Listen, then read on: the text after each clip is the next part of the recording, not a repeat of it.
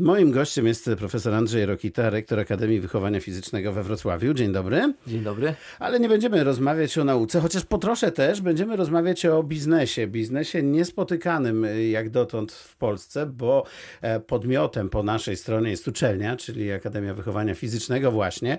A kupcem i dystrybutorem, jak rozumiem, jest firma amerykańska, tak? Tak, firma amerykańska, z którą podpisaliśmy umowę na sprzedaż i dystrybucję naszych piłek, naszego pomysłu, naszego produktu EduBall. Dlaczego to jest niespotykane i jak trudno było do tego doprowadzić, to o tym będziemy mówili za chwilę, ale chciałbym, żebyśmy najpierw opowiedzieli o tym, co to takiego są te EduBall i dlaczego e, tak duży rynek jak amerykański się tym zainteresował. Co to w ogóle jest? To są piłki edukacyjne, na których y, na zwykłych piłkach do koszykówki, tylko mniejszych w tak zwanej wielkości trójce, Trójka to jest taka wielkość, żeby dzieci w klasach 1-3 szkoły podstawowej, czyli dzieci 6-10 lat, mogły spokojnie tą piłkę chwycić. Taka jak nożna, ręczna? Taka jak nożna, ręczna, tylko to jest struktura do piłki, do koszyków. Czyli gumowa. Gumowa, tak mhm. jest. I my na tych piłkach umieściliśmy cyferki, literki, znaki matematyczne. Dlaczego? Dlatego, żeby dziecko w klasach 1-3, takie, które ma naturalną potrzebę ruchu, te dzieci nie chcą siedzieć przy, w ławkach szkolnych, one chcą biegać na podwórkach, one chcą grać w piłkę, żeby podczas zabawy dziecko mogło uczyć się, składając literki, bo tych piłek jest 100. To są dwa pełne alfabety, to są dwa pełne zestawy cyfr, to są dwa pełne zestawy znaków matematycznych. I dziecko podczas zabawy uczy się, bawiąc uczy się. Czyli nie siedzi na przykład przy biurku i nie układa jakichś takich klocków z literkami albo kartoników albo czegoś w tym rodzaju, tylko grając w piłkę składa sobie różne zdania, działania matematyczne i tak dalej. Rozumiem, że dzieci to lubią. Absolutnie, dzieci to uwielbiają. Przez 16 lat miałem wiele spotkań z dziećmi, które po raz pierwszy te piłki widziały. I jak po raz pierwszy takie doświadczenie było przede mną, to byłem y, wręcz strasznie zafrasowany, jak to wyjdzie. Mhm. Dzisiaj już nie. Dzisiaj jadę obojętnie gdzie. Czy na pewniaka, do, tak? Na pewniaka, czy do Stanów Zjednoczonych, czy do Singapuru, czy y, na Tajwanie.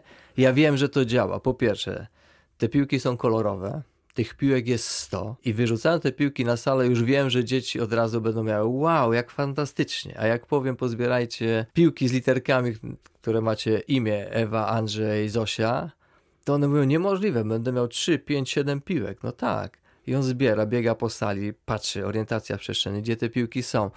A później mówimy, dodaj cyferki, które są na tych piłkach, ktoś tam mówi 7, 8, 9, wykonaj tyle rzutów do kosza, jaki jest wynik później zamień się z kolegą jedną piłką i wykonaj te same działania, odejmij. To jest niezliczona liczba możliwości działań. I zabawy? I zabawy, i to cały czas rośnie. A my mówimy, że to nie zastępuje podstawowej aktywności kształcenia polonistycznej, e, języków obcych czy matematyki, to tylko i wyłącznie udoskonala podczas aktywności ruchowej.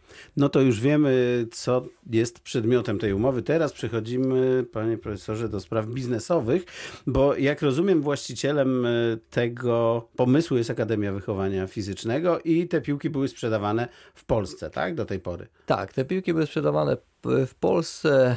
Tu musimy wspomnieć o moich kolegach, z którymi miałem przyjemność współtworzyć. Pan dr Tadeusz Rzepa, Marek Nowicki, moja skromna osoba i Jesteście autorami tego tak, jesteśmy, zestawu. Tak, jesteśmy autorami. 16 lat temu mieliśmy przyjemność w trójkę te piłki stworzyć i później doszedł do nas Irek Cichy, z którym e, współpracujemy i rozwijamy ten pomysł.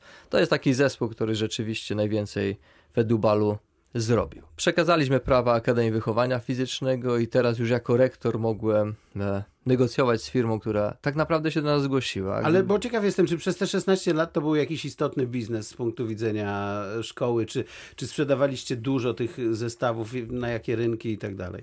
Trudno jest mi powiedzieć, jak był to wielki biznes, ponieważ my jako Akademia nigdy, nigdy nie dystrybuowaliśmy tych piłek. Firma, Aha. która nam pomogła zrobić te piłki, ona była dystrybutorem i myśmy w to absolutnie nie wnikali. Przypomnijmy, mhm. to był rok 2002. Wtedy o komercjalizacji niewiele osób w Polsce myślało. Dzisiaj ustawa o tym mówi, dzisiaj wiemy, że uczelnia powinna tego typu rzeczy komercjalizować i to nam się udało. Nie sądziłem, że nam się uda na skalę światową, na największym rynku, jaki jest na świecie, czyli na rynku amerykańskim. Prędzej. Ale do tej pory w Polsce, tak? Czy... Do tej pory w Polsce tak. To było sprzedawane. A w, poza, poza granicę w ogóle? Gdzieś y, do jakichś innych krajów? Mm, prowadziliśmy badania w Niemczech, w Singapurze, y, rynek na Tajwanie wzruszaliśmy, natomiast nigdzie nie mieliśmy formalnych umów. To były zajęcia dydaktyczne, po zajęciach dydaktycznych prowadziliśmy badania.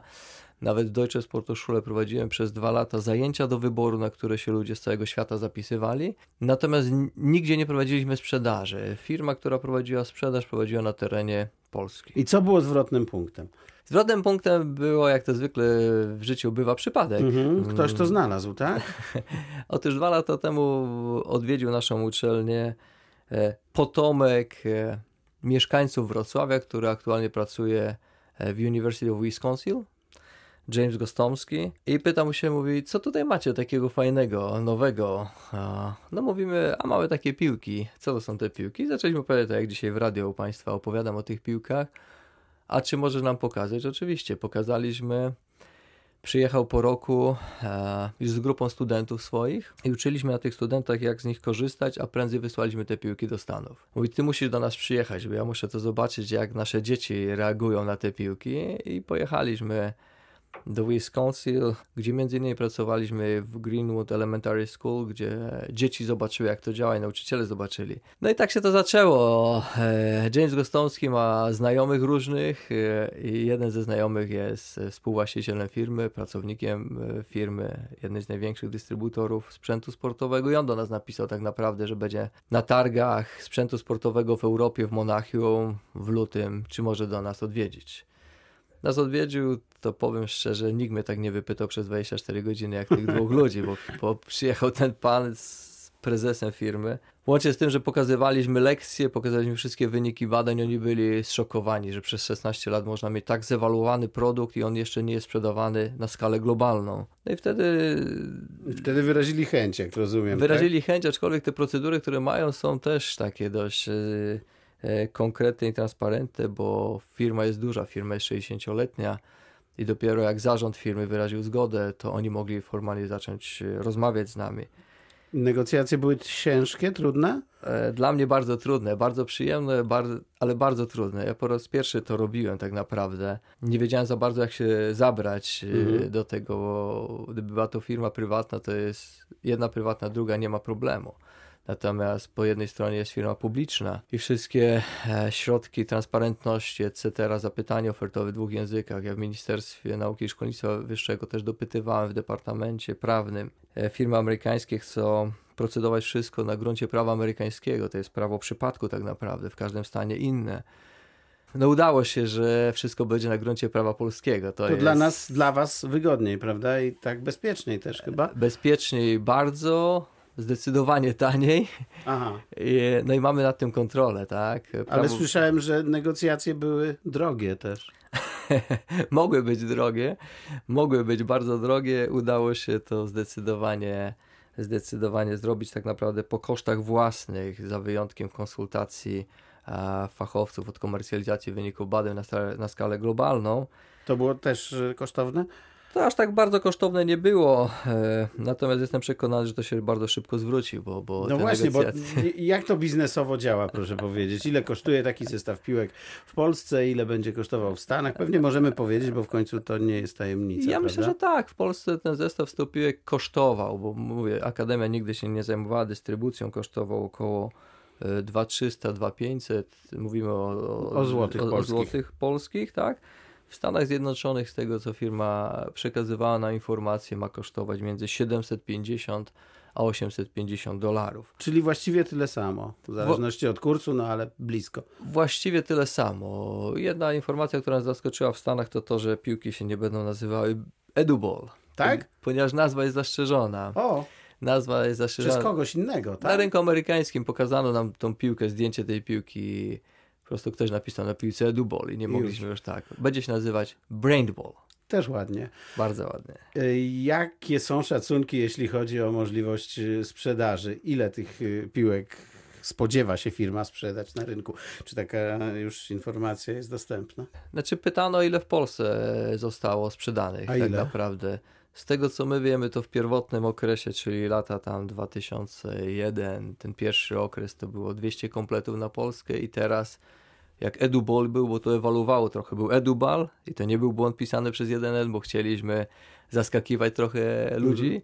Część się dziwiło. Później w 2013-2014 Eduball i ten 14 do obecnie też ponad 200 kompletów. Przypomnijmy, że rynek amerykański to jest dużo większy rynek niż rynek europejski. Blisko tak 300 naprawdę, milionów ludzi, tak? tak?